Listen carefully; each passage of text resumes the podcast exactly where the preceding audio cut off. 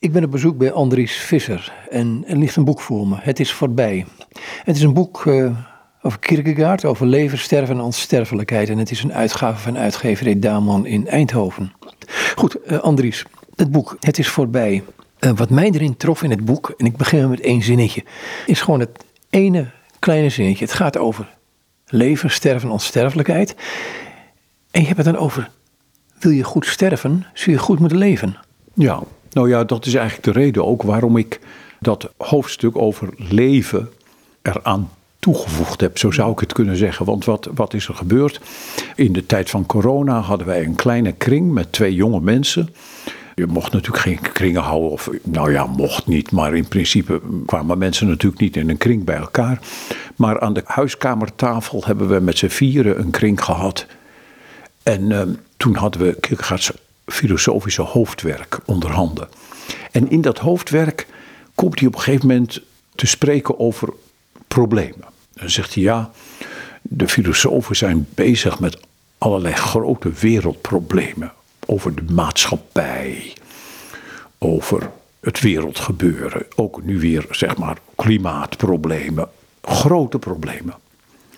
Maar ik heb nog een paar eenvoudige vragen en eigenlijk een paar eenvoudige problemen. Ik zou wel willen dat die filosofen zich daar ook mee bezig hielden.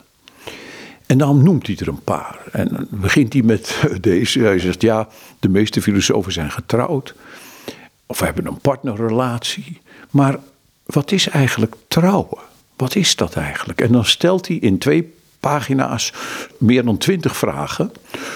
Opdat ze even de, de tempo zullen inhouden en zich niet met die grote problemen, maar eerst maar eens met dit probleem bezighouden. En dan vervolgens stelt hij aan de orde twee andere problemen. En het eerste is sterven en het tweede is onsterfelijkheid. En over die twee zogenaamd eenvoudige problemen stelt hij dan weer in een paar bladzijden meer dan twintig vragen. En hij zegt, ja, voor mij zijn dat eigenlijk belangrijke problemen. En ik heb het idee, zegt hij, dat dat niet alleen voor mij belangrijk is, maar dat het misschien wel voor ieder mens belangrijk is om na te denken over sterven en over onsterfelijkheid. En dat zette mij op dat spoor om, om daarmee bezig te gaan. Vanuit dat boek, maar dan breder natuurlijk, vanuit Kierkegaards werken.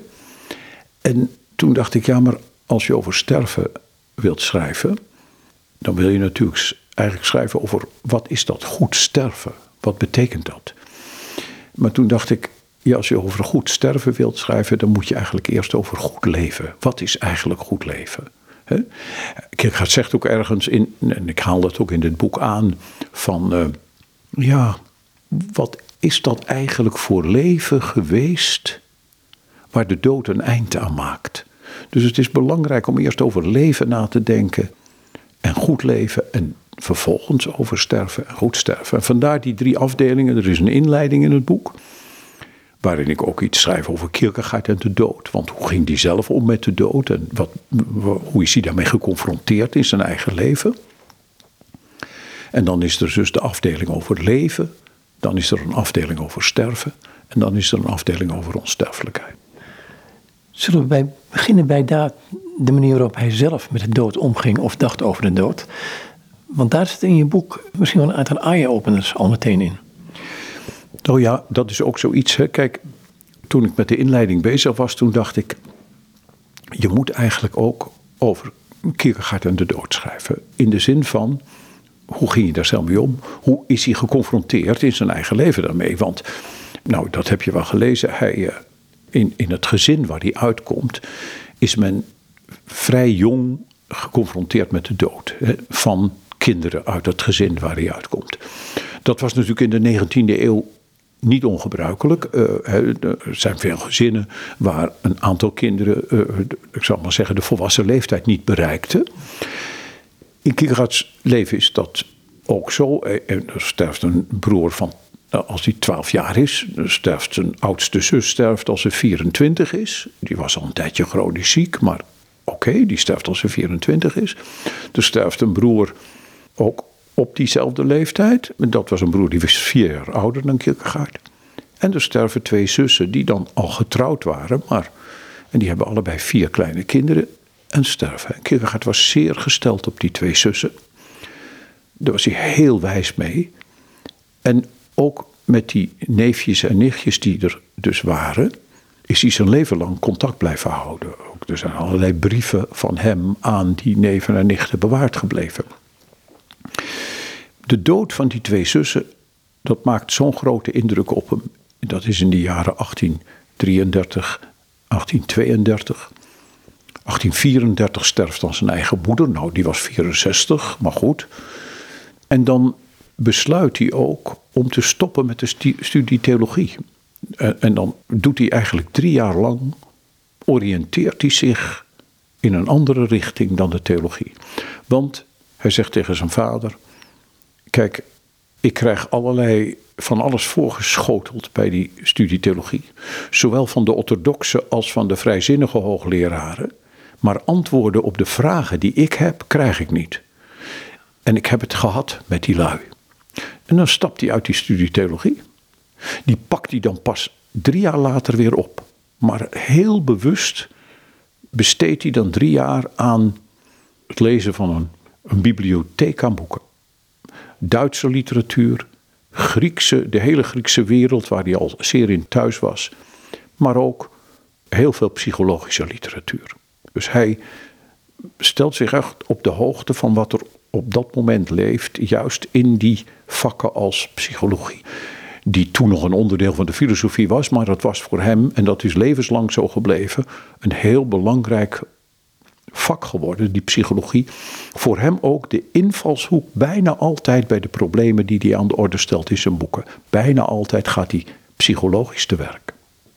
In dat deel over onder andere redenvoeringen bij het graf heeft het ook over zijn moeder. Of tenminste, indirect wordt er over zijn moeder gesproken. En we hebben het net in het voorgesprek even over gehad dat die moeder eigenlijk enorm onderbelicht is in zijn werk. Of in het beoordelen van Kierkegaard. Ja, nou dat, dat is ook zo. En daar is hij zelf natuurlijk aan, de ene kant uh, uh, schuldig aan, zou je kunnen zeggen. Hij wijt eigenlijk geen woorden aan zijn moeder. En daar wordt dan meteen zoiets van gezegd: ja, die vader was veel belangrijker voor hem dan die moeder. Daar is wel heel wat op af te dingen. Want kijk, iets, als iets je heel dierbaar is, dan heb je niet de neiging om er veel over te praten. Vooral om het niet goedkoop te maken. Als hij begraven wordt, dan spreekt zijn oudste broer, dat was de enige nog levende uit dat gezin. Het was een gezin met zeven kinderen dus. En die twee jongens bleven over, de jongste en de oudste broer. Die oudste broer spreekt bij zijn begrafenis. En uh, die vertelt dan dat er in Kierkegaards heel veel uitdrukkingen zijn die bij zijn moeder vandaan komen. Dus dat is heel opvallend. Dat heel veel uitdrukkingen komen bij zijn moeder vandaan. Dat betekent dus ook wat de taal betreft, heeft hij veel aan zijn moeder te danken. En het is pas de laatste jaren dat er wat meer over bekend is geworden. Als zijn moeder overlijdt, dan weten we wel, dat was wel al bekend, dat uh, er is iemand die dan schrijft over hoe die aangeslagen is als zijn moeder sterft. En dat is uh, de latere bisschop Martensen. Nou, dat was geen vriend van hem, dat kun je rustig zeggen. Maar die schrijft in zijn herinneringen dit. Hij kwam een keer diep bedroefd bij mijn moeder thuis en vertelde dat zijn eigen moeder overleden was. Mijn moeder heeft me verschillende keren verzekerd dat zij, die toch met dit soort zaken geen geringe ervaring had, nooit in haar leven een mens gezien heeft die zo diep bedroefd was als Søren Kierkegaard over de dood van zijn moeder. Daaruit meende ze te kunnen concluderen dat hij een buitengewone diepte van gemoed moest hebben. En daarin heeft ze zich niet vergist, want dat zal niemand wat hem betreft kunnen ontkennen. Dus dat was al een getuigenis van toen zijn moeder stierf, was er meteen een diep verdriet. Ik schrijf dan ook, hij moet erg aan zijn moeder gehecht zijn geweest. En misschien wel juist daarom vinden we in zijn eigen aantekeningen geen opmerkingen over haar. Maar op een gegeven moment sterft er een broer. In 1833 sterft er een broer, die was naar Amerika gegaan. Niels Andreas was nog een jonge broer, die was net even in de twintig. Die was naar Amerika gegaan om zich in zaken te bekwamen. Die krijgt daar de tyfus en die sterft. Maar op zijn sterfbed is een Amerikaanse predikant die hem daar bezoekt. En na zijn dood schrijft hij een brief in het bijzonder aan Kierkegaards moeder. En die schrijft in de tijd dat ik met hem samen was, sprak hij vaak over zijn moeder en zijn zussen en zijn broers. En heeft me verschillende keren op het hart gebonden zijn moeder te schrijven en haar te vertellen dat hij aan haar de warmste herinneringen had. Verschillende keren prees hij u, en nu komt het, voor zijn religieuze opvoeding. De overtuigingen die hij heel zijn jeugd en kinderjaren door had ingegoten gekregen door een vrome moeder, waren in zijn laatste ogenblikken maar al te duidelijk.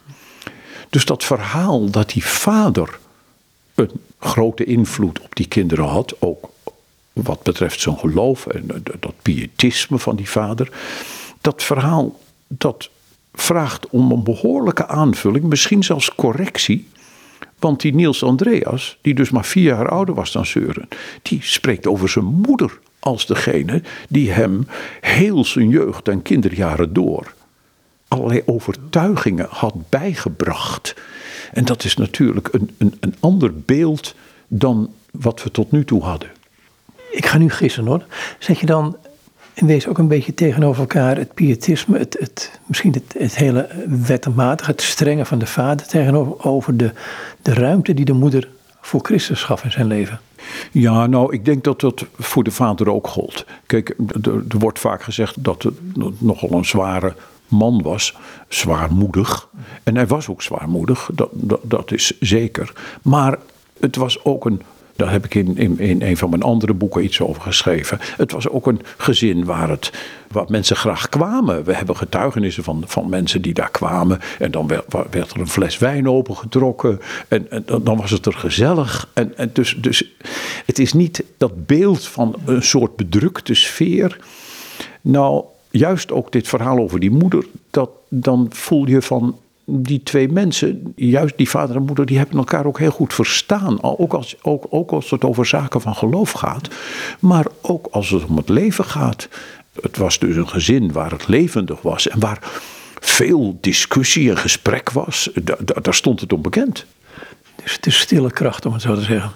Die moeder is zeker een stille kracht geweest. Ja, en, en we spreken natuurlijk over een andere tijd, de 19e eeuw. Maar die moeder heeft daar absoluut een heel, heel centrale rol in dat gezin vervuld. Dat kun je ook aan de andere kinderen merken.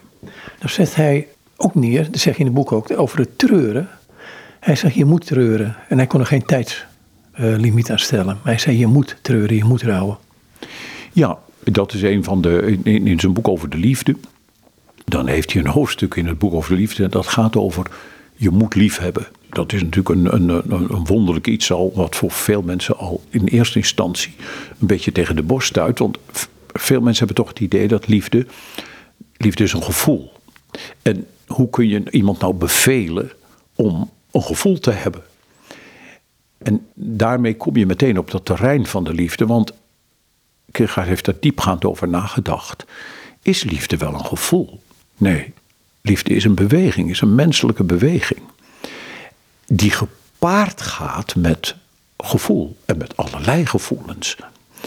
Anders zou er nooit een opdracht kunnen zijn tot naaste liefde. De, beroemde uh, opdracht van uh, je zult je naaste lief hebben als jezelf. Eigenlijk staat er heel simpel: heb je naaste lief als jezelf. Ja, dat is de opdracht zoals die twee keer verwoord wordt in het Oude Testament, in het boek Leviticus. En zoals Jezus hem herhaalt, die opdracht. Nou, dat betekent dat liefde dus iets moet zijn wat ook een, een opdracht is. Wat ook waar je je zelf op kunt bevragen van heb ik lief? Is dit wat ik nu doe? Is dat uit liefde of niet? Dus je kunt jezelf onderzoeken als het om de liefde gaat.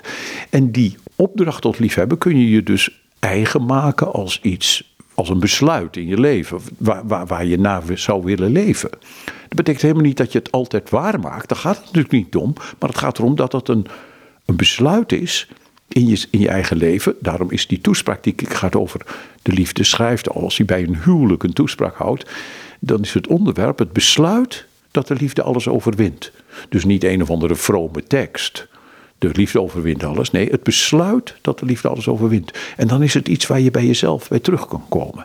Nou, zo in dat boek over de liefde heeft hij een hoofdstuk onder de titel dus Je moet lief hebben vanuit die opdracht. En zegt hij, ja, zo ook moet je treuren. En dat is heel belangrijk, zegt hij, want kijk, als iemand een diep verdriet meemaakt, dan uh, kan hij misschien dat niet eens onder woorden brengen. En dan, dan kan het wel eens helpen dat iemand woorden vindt die hij die, die, zelf niet heeft. Dus dingen onder woorden kan brengen van zijn verdriet. Maar hij zegt dat is toch eigenlijk het wezenlijke nog niet. Want het wezenlijke is dat hij moet treuren. Hij moet ruimte geven aan dat verdriet. Want ja, heel gemakkelijk kan je ook bij een diep verdriet in de vertwijfeling terechtkomen. In de wanhoop. Dat je, omdat het je, nou ja, als je, als, als, als je meest geliefde sterft. Hoeveel mensen raken dan niet volkomen aan de rand. Ik had gisteren nog een gesprek met iemand die vertelt over, over een vader. Ja, tien jaar geleden is die moeder overleden. En eigenlijk heeft hij sinds die tijd niet meer geleefd. Nou, dat is natuurlijk uiterst tragisch dat je voelt, ik zou zeggen, dat is vertwijfeling. Waarom is het vertwijfeling? Nou, dat verdriet is wezenlijk, daar moet ruimte voor komen. Komt iemand in de vertwijfeling terecht, dan betekent dat dat als hij zegt, ja, eigenlijk is mijn leven opgehouden, dan betekent dat de zin van zijn leven lag niet in hemzelf, maar in die ander. En nou is die ander weg. En nou is de zin van het leven weg. Dat betekent dat hij voor die tijd al vertwijfeld was in de manier waarop hij lief heeft. Je moet treuren. Je moet ruimte geven aan dat verdriet. Lang en zacht treuren, zal die ergens zeggen. Hè? Dus je moet lang ruimte geven. Een, werkelijk verdriet over het verlies van een geliefde gaat ook nooit over. Maar dat is, hoeft geen vertwijfeling te zijn, want je moet terechtkomen bij een punt in jezelf dat je ontdekt: ja, maar één ding is er over. Ik ben er zelf nog en ik kan liefhebben. Dat vermogen tot liefhebben, zal die zeggen, is in jou achtergebleven. Dat is er nog steeds. Dus jij kunt vandaag liefhebben. En je kunt vandaag die opdracht tot liefhebben, kun je proberen in het klein, waar dan ook, waar te maken. En daarvan uit te leven. Dan is er dat verdriet en dat zal altijd diep in je ziel zijn. Maar je verdwijnt niet, je zakt niet in een put weg. Hè? Want die opdracht tot liefhebben, die is er vandaag ook. Dus liefhebben is dan een daad? Ja, kijk, het boek heet niet voor niks wat we vertaald hebben in de tijd. Dat boek heet Wat de liefde doet. Kierkegaard zegt, je kunt natuurlijk ook over nadenken over wat liefde is. En dat doet hij in dat boek natuurlijk ook. Maar de opdracht is lief te hebben. En liefhebben is dus een, dat uit zich in daden. Laat ik het zo zeggen. Dat uit zich altijd in daden. Er zit er een merkwaardig stuk in het boek. Hè? Dat gaat over herinnering aan zij die overleden zijn. En dan zegt hij in, met betrekking tot de liefde, en ik parafraseer nu, de meest onbaatzuchtige manier van liefhebben is iemand liefhebben die gestorven is. Nou, ja, hij zegt het eigenlijk zo. Liefde heeft bepaalde eigenschappen. En hoe kan je die nou uh, het best ontdekken? Nou, kijk, hij noemt drie eigenschappen dan. De eerste is onbaatzuchtig. De tweede is vrij. De liefde is vrij. En de derde is, de liefde is trouw. Ja, en zegt hij, kijk, als je in een partnerrelatie leeft, je leeft met iemand samen van wie je houdt, dan kan je natuurlijk jezelf inbeelden dat jij onbaatzuchtig lief hebt. Wat is onbaatzuchtig? Dat betekent dat er niets tegenover hoeft te staan. Dus dat jij niet beloond hoeft te worden. Zelfs niet met wederliefde. Nou, dat is een, dat is een hoge eis, zou ik zeggen. Want ik ben ondertussen ook al een heel aantal jaren getrouwd. En ik zeg eh, wel eens tegen mensen: ja, kijk, dat is uh, niet zo moeilijk. Want er staat ook een heleboel tegenover. Dus dat liefhebben, het is gevaarlijk om te denken dat een partnerrelatie, dat dat nou liefde is. Ik ben ervan overtuigd dat er juist in een partnerrelatie heel veel zelfliefde is. En daar is niets op tegen. Denk er goed om. Ik gebruik het woord zelfliefde in een positieve zin. Ieder mens moet leren zichzelf lief te hebben. Daarom is de opdracht ook: je zult je naaste lief hebben als jezelf. Dus het gaat ervan uit dat je op een goede manier jezelf lief hebt. En Kierkegaard zegt, juist in het boek over de liefde, daar mankeert vaak bij mensen heel wat aan. Dat ze zichzelf niet op de goede manier lief hebben. Maar nou terug. In een partnerrelatie krijg je vaak zoveel terug. Dat daar is ook, dat is misschien wel voor driekwart zelfliefde. Of voor de helft.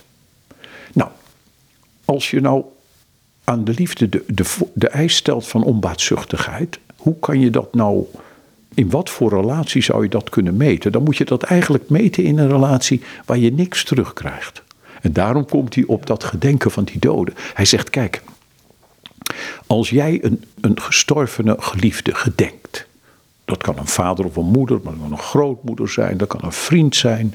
aan wie je denkt van tijd tot tijd. Er is niemand die je daartoe verplicht. Het levert ook niet iets op van de andere kant. Je bent volkomen vrij om het wel en niet te doen. Als je het volhoudt, die trouw. Nou, in zo'n relatie van liefde, zo'n het gedenken van die geliefde gestorvene, kun je iets afmeten van hoe sterk is die liefde eigenlijk in jou. Ik hoor mensen beloven bij een begrafenis of bij een crematie, dan zeggen ze, ik zal maar zeggen, in Amsterdam, dan praten ze nogal eens tegen de kist. Hè? Dan wordt het, en dan zeggen ze, Jan, ik zal je nooit vergeten. Nou, zei Kierkegaard dan ergens, zegt hij, zeg nou maar gewoon, Jan, ik hoop morgen vijf minuten aan je te denken. Hij zegt, als je dat volhoudt, als je morgen werkelijk vijf minuten aan Jan denkt, dan heb je kans dat je het over een jaar ook nog wel doet. Maar die beloftes van Jan, ik zal je nooit vergeten. Nou, er zijn heel wat van dat soort beloftes waar niets van terecht komt. Dan noem je het hoofdstuk ook de bron van de liefde. Ja, de bron van de liefde. In dat boek over de liefde begint hij met: waar is nou de bron van de liefde? Nou, dan moet je natuurlijk bij een mens naar binnen. Dat is het eerste. Je moet bij een mens naar binnen, want dat, daar is ook nog nooit buiten het geloof om een verklaring voor gegeven. Dat vermogen tot liefhebben, net als het vermogen tot vertrouwen, dat zijn wonderlijke vermogens in een mens. Dat hij dat kan, dat hij kan liefhebben, dat hij kan vertrouwen. Hoe komt een mens aan die vermogens? Ja, dat heeft hij zich niet verworven. Dat is, ik bedoel, dat is er van, van kinds af aan, is dat er. Een kind houdt van zijn moeder, als de relatie goed is. En dat is dus heel wonderlijk. Dat, dat vermogen tot liefhebben, dat ontwikkelt zich, maar het is aanwezig. Hoe komt een mens aan dat vermogen? Ja, hij heeft het in zijn binnenste. Hij weet dat hij dat vermogen heeft. Maar het is een raadsel hoe hij eraan komt. En dan zegt hij ja, voor hem, zegt hij, is het eenvoudig eigenlijk. Hij maakt het heel eenvoudig. Hij zegt, het komt bij God vandaan. Als we zeggen God is liefde, dan kan dat heel makkelijk een stoplap zijn. maar als we, het, als we werkelijk daar dieper over nadenken, dan denk je ja, als dat zo is en we zijn naar Gods beeld geschapen, dan, dan moet er iets van dat wat er in God is, in ons zijn. Nou, zo zijn wij bijvoorbeeld, mijn eerste boek zegt, de mens is geest. Dat is het, het meest koninklijke wat je van een mens kan zeggen, zegt Kierkegaard, dat hij geest is. Nou, zo is er in de mens liefde en dat is er daar gelegd. Waar komt de liefde dus vandaan? Ten diepste is de bron van de liefde God zelf. En dat hoeft natuurlijk niemand hem na te zeggen, want daar zit hij helemaal niet op te wachten dat iemand dat zal beamen. Voor hem is dat de enige verklaring, zal ik nou maar zeggen, van dat vermogen.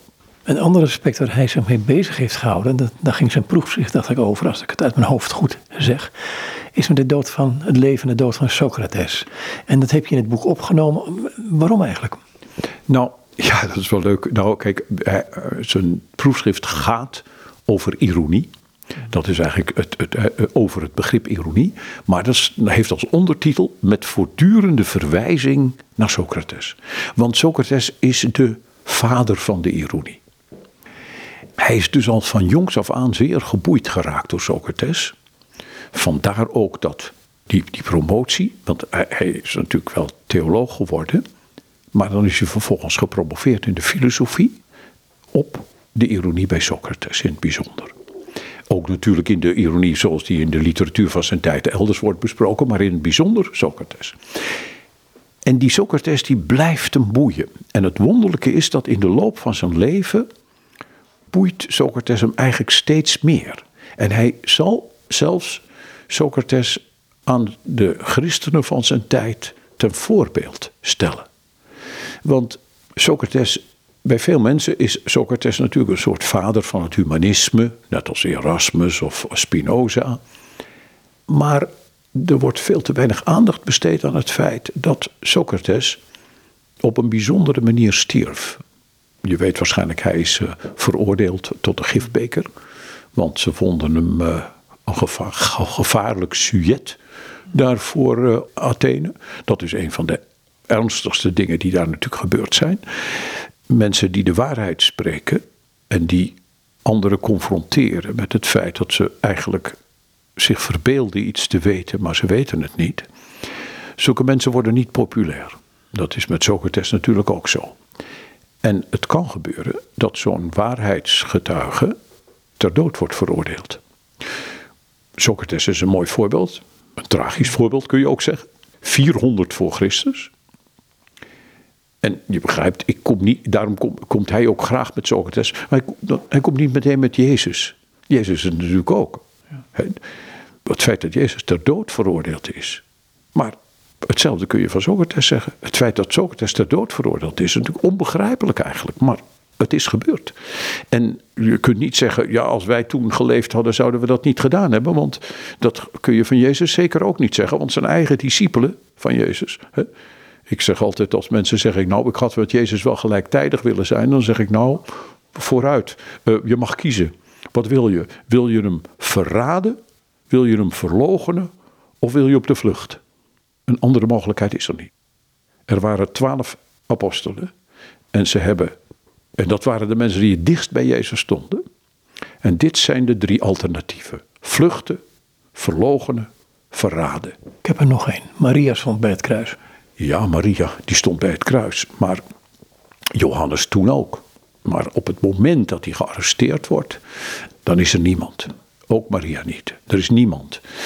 Het is met Socrates natuurlijk zo dat je ook kunt zeggen: ja, er waren 30 stemmen uh, uh, tegen die doodstraf. Maar er waren 400 ste uh, stemmen voor. Ik bedoel, hij, hij is gewoon door, door het volkstribunaal ter dood veroordeeld. En je denkt, jongens, hoe is het mogelijk dat je, dat je Socrates ter dood veroordeelt? Ja, het is toch gebeurd. Nou, Socrates is voor hem dus een belangrijk voorbeeld. Maar niet alleen maar om wat hij zegt en om wat hij doet en hoe, om het Socratische gesprek, om het zo maar eens te zeggen. Maar Socrates is ook een voorbeeld als het gaat om de manier waarop hij sterft en om zijn geloof in de onsterfelijkheid. En Kierkegaard legt daar al in dat proefschrift nadruk op, maar veel later komt hij daar in zijn dagboekteksten en in verschillende andere teksten op terug. En ik dacht, als ik een hoofdstuk ga schrijven over sterven en een hoofdstuk over onsterfelijkheid, dan zet ik beide hoofdstukken in met de eerste met de dood van Socrates en de tweede met de onsterfelijkheid van Socrates. Want het is juist in onze tijd waarin over onsterfelijkheid natuurlijk toch een beetje, ja, mensen verlegen mee zijn. Ik zeg, zet achter op mijn boek, is de dood het einde? Of is dat minder zeker dan menigeen zegt te wensen of geneigd is te denken? En daarom ben ik, ik dacht ik moet met Socrates beginnen. Want dan is het even los van al het christelijke. Socrates sterft op een heel bijzondere manier. En gaat de dood in een bepaald opzicht blijmoedig tegemoet zegt ook tegen zijn rechters aan het eind van het proces. Dan heeft hij zijn verdedigingsreden gesproken. En dan zegt hij: Nou, heren, dan nemen we hier afscheid van elkaar. U gaat naar het leven, ik ga naar de dood. Wie er beter aan toe is, dat is maar de vraag. Dat is Socrates. En zo'n geloof in de onsterfelijkheid, ja, zeggen mensen, maar dat kan je toch niet weten? Nee, maar wat is weten? Geloof is toch het weten voorbij. Er is zoveel wat je niet kunt weten. En, en, en alle vertrouwen, alle geloven is het weten voorbij. Zelfs als je zegt ik vertrouw mijn vrouw, dan ga je niet de gangen na. Als je de gangen na gaat, dan vertrouw je er niet. En weten we dus ook. Het weten, dat is heel wat anders. Vertrouwen is het weten voorbij. En Socrates wist dat. Socrates zegt, indien er een onsterfelijkheid is, dan richt ik mijn leven daarnaar in. Zodat het op alles in mijn leven invloed heeft. En dat is wat Kierkegaard ons ter voorbeeld stelt in Socrates. Zou je dat kort kunnen samenvatten in één klein zinnetje wat ik in het boek gevonden heb van jezelf verstaan in tijdelijkheid? Ja, kijk, nou ja, kijk, het gaat altijd om jezelf verstaan. Uh, uh, het belangrijkste filosofische werk is De ziekte tot de dood. Het gaat over het zelf. Vandaar het boek De mens is geest wat ik schreef. Het gaat over het zelf. Dat ben je. En je gaat, het, het is zaak om over jezelf na te denken. Met jezelf in gesprek te zijn. En het wonderlijke is dat een mens dat kan. Dat is dat zelf. Dat is dat voor die voortdurende beweging van in gesprek te zijn met jezelf. Jezelf te willen zijn. Nou, als je, als je dat doet, dan ga je ook ontdekken dat er bijvoorbeeld dat je een synthese, zo noemt hij dat, een samenstelling bent van tijdelijk en eeuwig. Dat die beide aspecten deel zijn van je bestaan. Zoals je ook, een, ik zal maar zeggen, lichaam en ziel bent. Dat kun je niet scheiden van elkaar, maar je kunt het wel onderscheiden natuurlijk. Want je, je hebt een lichaam en je, je bent ook een ziel, je hebt ook een ziel.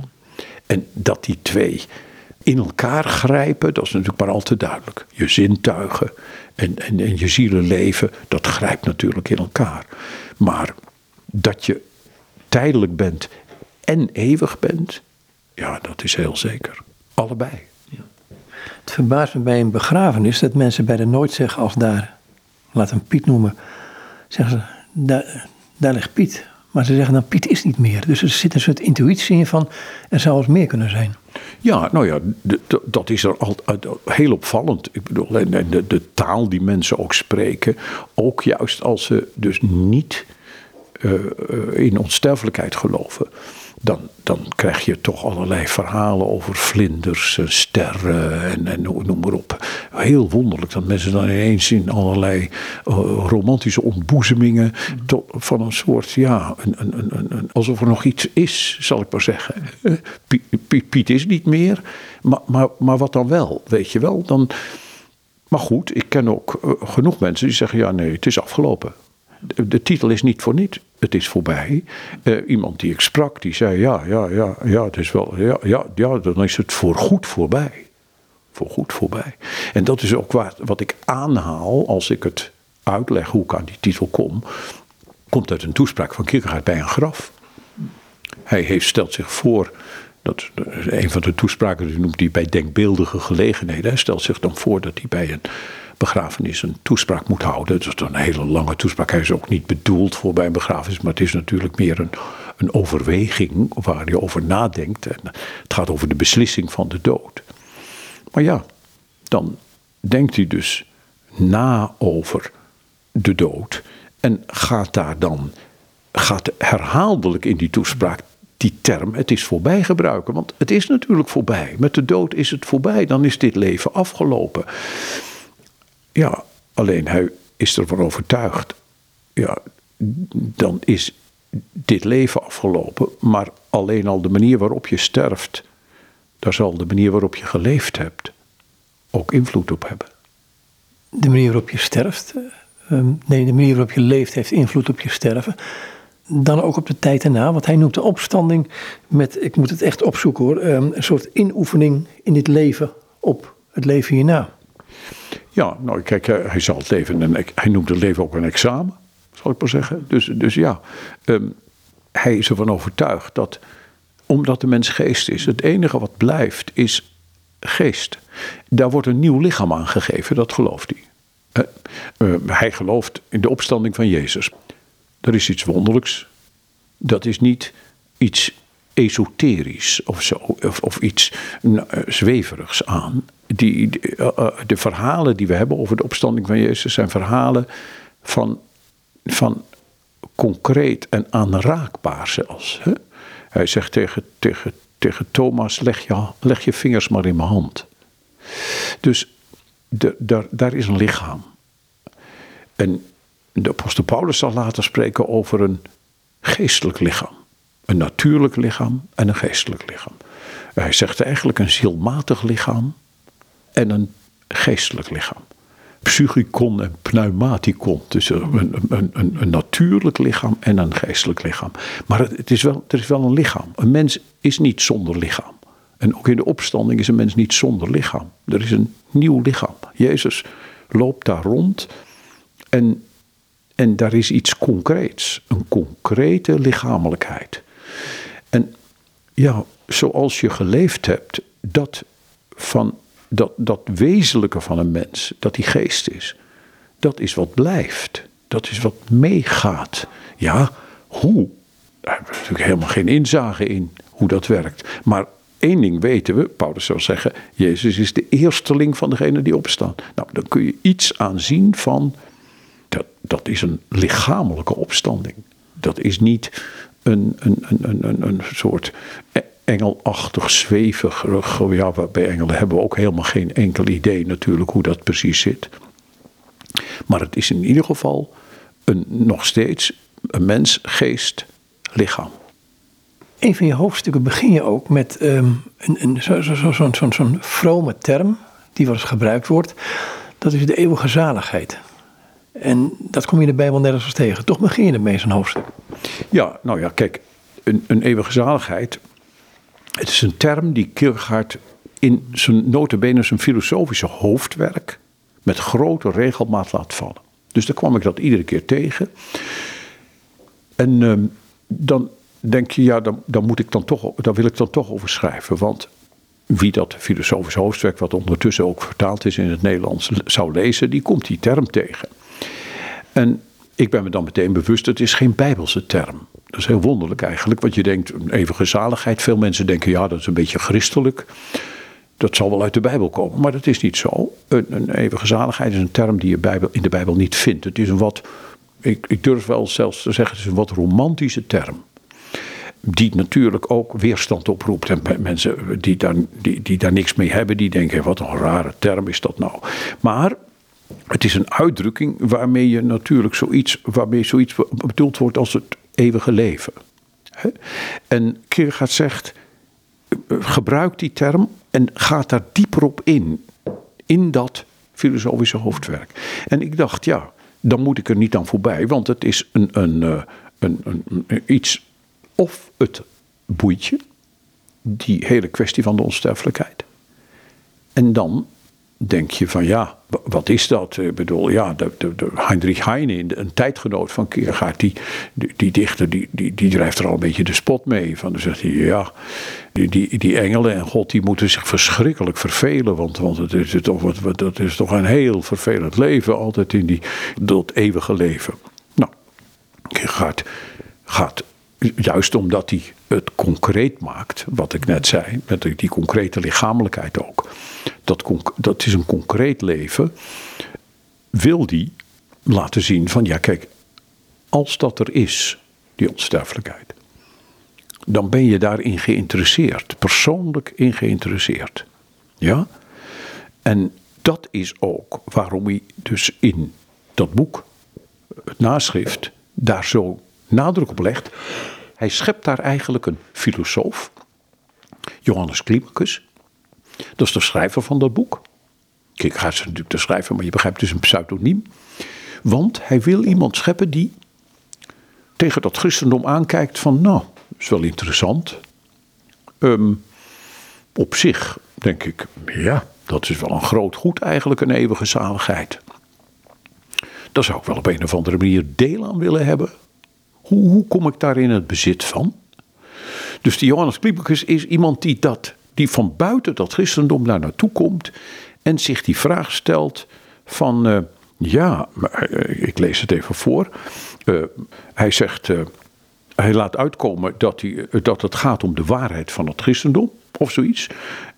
Daar gaat het niet om. Hè? Dat bedoelt hij. Het gaat niet om de waarheid van het christendom, want daar is hij niet in geïnteresseerd. Want daar, dan, dan, dat is een eindeloze discussie. En daar kom je ook nooit uit. Nee, het gaat hem om de relatie van de enkele mens tot dat, die onsterfelijkheid. Tot die eeuwige zaligheid. Dus het gaat niet om de systematische ijver van een of ander onverschillig individu. Hè, voor wie het misschien het christendom een beetje wetenschappelijke interesse heeft. Maar het gaat om, om zijn eigen oneindige geïnteresseerdheid daarin. Hij is erin geïnteresseerd met het oog op zichzelf. Nou, ook in zijn tijd was het stellen van een dergelijke vraag naar je eigen eeuwige zaligheid tamelijk ongebruikelijk. Zelfs in een onwetenschappelijk geschrift, zo noemt hij het. Hè? En hij vervolgt dan ook met: Wat een weergaloze vrijpostigheid, hoor ik een denker zeggen. Wat een schrikbarende ijdelheid om in deze van wereldhistorisch besef doordrongen tijd, deze zo betekenisvolle 19e eeuw, een dergelijke betekenis te durven hechten aan het eigen kleine ik. He, zo van, jongen, gaat het over, moet het over jou gaan?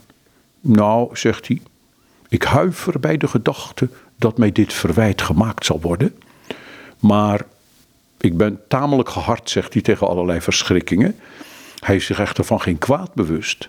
Want niet uit zichzelf, zegt hij, is hij zo vrijpostig geworden. Het is uitgerekend het christendom dat hem daartoe noopt. Het christendom legt een heel ander gewicht op mijn kleine ik, om dat zomaar eens te zeggen, en op elk nog zo klein ik, aangezien het dat eeuwig zalig wil maken. Als dat het geluk heeft het christendom binnen te komen. Op een of andere manier heeft het iets met dat christendom te maken. En ik ben in ieder geval geïnteresseerd, zegt hij. Ik zou daar wel meer van willen weten. En dat is de opbouw van zijn verhaal. Dan gaat hij nadenken over wat betekent dat? Ergens persoonlijk in geïnteresseerd zijn. Wat betekent hartstocht? Want geloof is een hartstocht. Wat betekent het om een, een, een samenstelling te zijn van eindig en oneindig, van tijdelijk en eeuwig? Hoe krijg je deel aan dat eeuwige? Hoe, hoe ga je jezelf leren verstaan, zodat je ook deel krijgt aan, zodat je ook deelgenoot kan zijn van die eeuwige zaligheid. Hoe moet je je leven dan eigenlijk inrichten? Wat is dan belangrijk? Waar draait het dan om je leven?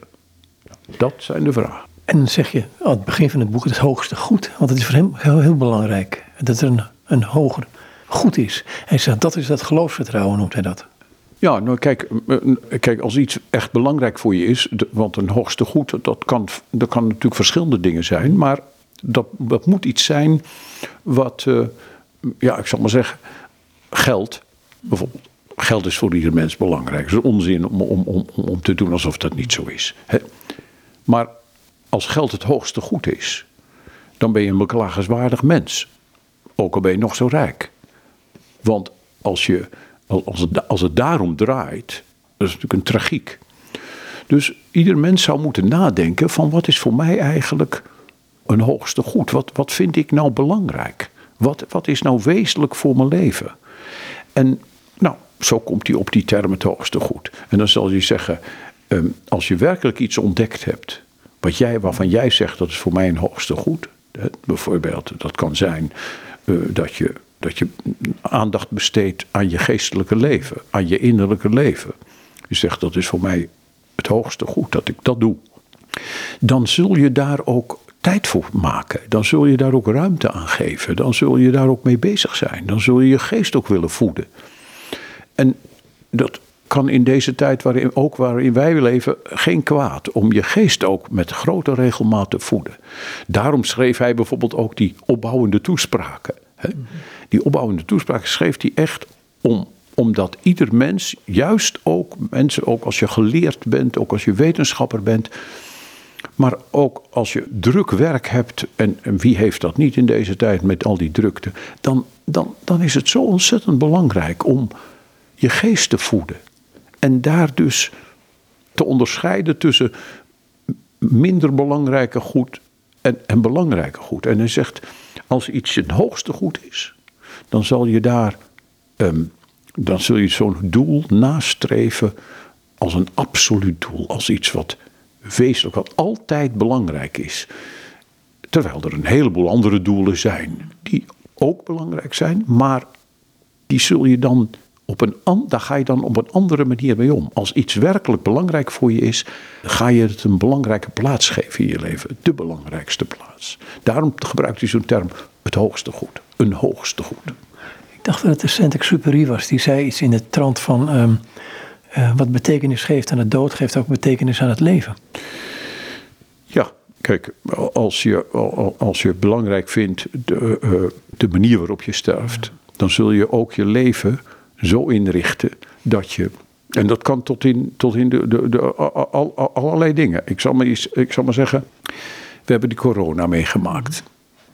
En, en, sommige mensen zijn geschrokken van die eerste beelden van hoe sommige mensen stierven dan op zo'n IC met zo'n slang erin. En nou ja, ik, zal dat verder niet beschrijven, maar je weet wel, verschrikkelijk vonden mensen dat. En ik, ik wist, zo wil ik niet sterven. We gaan allemaal sterven. En uh, als ik ga sterven, niet zo. Dus mensen zeiden, ja, maar als je, je, je, het gaat om de plaatsen op de IC. En ik vond dat is, is helemaal geen discussie voor mij. Want uh, zo wil ik niet sterven. En ik zei tegen mijn dochter, je zet maar een raam open en je legt me maar op een bed bij het raam. Maar ik ga zo niet sterven. Ik sterf op een andere manier. Want ik heb op een andere manier geleefd. En ik heb een heel andere verwachting. En ik ga zo niet het leven uit. Dus dat is nou maar een simpel voorbeeld. Maar op allerlei manieren, als je als je, je geest voedt, dan geef je ook ruimte aan jezelf om de manier waarop je sterft ook anders te laten zijn. Daarom begin ik met Socrates. En ik laat zien hoe Socrates sterft, die daar veroordeeld is tot de gifbeker. En dat is, en je denkt, kan het zo ook? Ja, zo kan het ook. En, en je komt onder de indruk. En je denkt, ja, zo. Maar, maar dat is een geestelijke zaak. Dat is, als een mens zijn geest voedt, dan legt hij daarmee een basis voor de manier waarop hij doodgaat ook. Maar het is meteen ook een rijk leven. Ik bedoel, want als je aandacht besteedt aan je geest, aan je geestelijke leven, maar, maar gewoon aan het feit dat je geest bent. Want ieder mens is geest. Als je daar aandacht aan besteedt, dan, dan is je leven veel rijker. Omdat je een enorm gebied van je leven ruimte geeft. Nou de dood het loon van de zonde. Um, hoe staan die in verhouding tot elkaar bij Kierkegaard? Bedoel je de, zonde en de dood? Mhm. Nou ja, kijk, dat, eh, eh, dat, is natuurlijk een tekst. Het loon dat de zonde geeft is de dood. Ehm, de, dood is natuurlijk een raadsel al. Net als de zonde trouwens, dat is ook een raadsel. Dat is een groot woord. Wordt ook gauw, misbruikt. Dat weet je wel. Dat uh, heel vaak, als mensen het over zonde hebben, als mensen het er al over hebben, want het is natuurlijk ook een beetje een woord wat in onbruik geraakt is. Maar als mensen het er al over hebben, dan is het vaak zo ontzettend moralistisch. Dan heb je brave mensen en niet zo brave mensen, weet je wel. En de brave mensen, dat zijn dan de goeie. Er is zo'n boek pas verschenen van uh, bijna alle mensen deugen. Nou, dat boek deugt natuurlijk niet, dat begrijp je meteen in mijn ogen. Waarom niet? Nou, als je zegt bijna alle mensen deugen, dan weet jij blijkbaar wie die mensen zijn die niet deugen. En die weet je dan aan te wijzen. En dat is dan 2% of 3% of 5% van de mensen die deugen niet en de rest deugt wel. Kom op, kletskoek. Alle mensen deugen en alle mensen deugen niet. En als we onder druk komen, dan is het heel moeilijk om werkelijk het goede te kiezen. En dat is gebleken. Ik hoef je maar te noemen uh, de, de, de, druk van de, van de Tweede Wereldoorlog. Ja, het aantal mensen dat in Duitsland, maar ook in Nederland. Maar in Duitsland neem ik even als voorbeeld. Toen kwam daar die wet waarbij Joden niet langer mochten uh, een openbaar ambt uitoefenen. En dus niet lesgeven aan universiteiten. Maar er waren heel veel Joodse docenten aan universiteiten. En er is maar een handjevol mensen die daartegen geprotesteerd hebben. En die hun baan zijn kwijtgeraakt. Karl Barth is er een van. Laat zijn naam nog maar eens genoemd worden. Dietrich Bonhoeffer. Maar de grote meerderheid, die heeft dat beroemde kinderversje: blijf zitten waar je zit en verroer je niet, hou je adem in en stik niet. En die heeft gewoon meegedaan, die hebben hun collega's ontslagen. Die zijn blijven zitten waar ze zijn. Ze hebben zogenaamd niet meegedaan met het systeem. En na de oorlog zijn ze allemaal op hun stoel blijven zitten aan de universiteiten. Maar het deugde van geen kanten wat ze deden. Hoeveel mensen deugden er niet toen? Nou, minstens 95% deugde niet. Die deed gewoon mee, terwijl ze wisten, dit kan echt niet. Dit gaat over alles schreef. En we, en we gaan toch mee. Want we zijn bang voor ons eigen hachje. We zijn bang voor ons eigen salaris. We zijn bang voor onze eigen baan. Dat begrijp ik. Maar ga niet zeggen dat het deugt, want het deugt van geen kanten. Dus nee, alle mensen deugen. En alle mensen deugen niet. En daar zit je met een probleem. En dan kom je met het probleem van de zonde. Nou, daar gaan we nu niet uh, heel diep op in. Maar voor Kierkegaard is het. Die trekt je helemaal los van die kwestie van deugen en niet deugen. Die zegt: de tegenstelling is helemaal niet zonde deugd. De tegenstelling is zonde vertrouwen. Wat niet uit vertrouwen is, dat is zonde, zegt hij. Wat niet uit liefde is, dat is zonde. Dan heb je een veel, ja, innerlijke definitie die ieder mens kan begrijpen en die niet moralistisch is. En waar het lijden, ik ga nu heel kort in de bocht, een enorme plaats heeft. En waarin lijden een, een, belangrijke plaats heeft. Ik heb, over, ik heb dus heel bewust gekozen voor zo'n hoofdstuk over liefde. Heb ik drie hoofdstukken. Die, die afdeling over liefde. Het eerste hoofdstuk is leven voor het goede. En dat zijn grote woorden natuurlijk, leven voor het goede. Tweede is leven vanuit de liefde. En weer denk je, ja, dat zouden we wel wensen. Nou, daar ga ik dieper op in, natuurlijk in die beide hoofdstukken. Van wat bedoelt hij daarmee en, en, en wat betekent het om te leven voor het goede? Nou, een belangrijk punt is bijvoorbeeld dat je moet leren in je leven om onverdeeld te zijn, voor één ding te kiezen. Leven voor voor het goede leven vanuit de liefde. En dan heb ik een derde hoofdstuk en dat heet een innerlijk leven, een innerlijk lijden. Want ik wilde, als je over leven schrijft, moet je niet dat onderwerp van het innerlijke lijden aan voorbij. Denken dat het leven alleen maar goed is, het goede en de liefde en zo. Nee, het leven is, er is ook een innerlijk leven. En een heel simpel voorbeeld.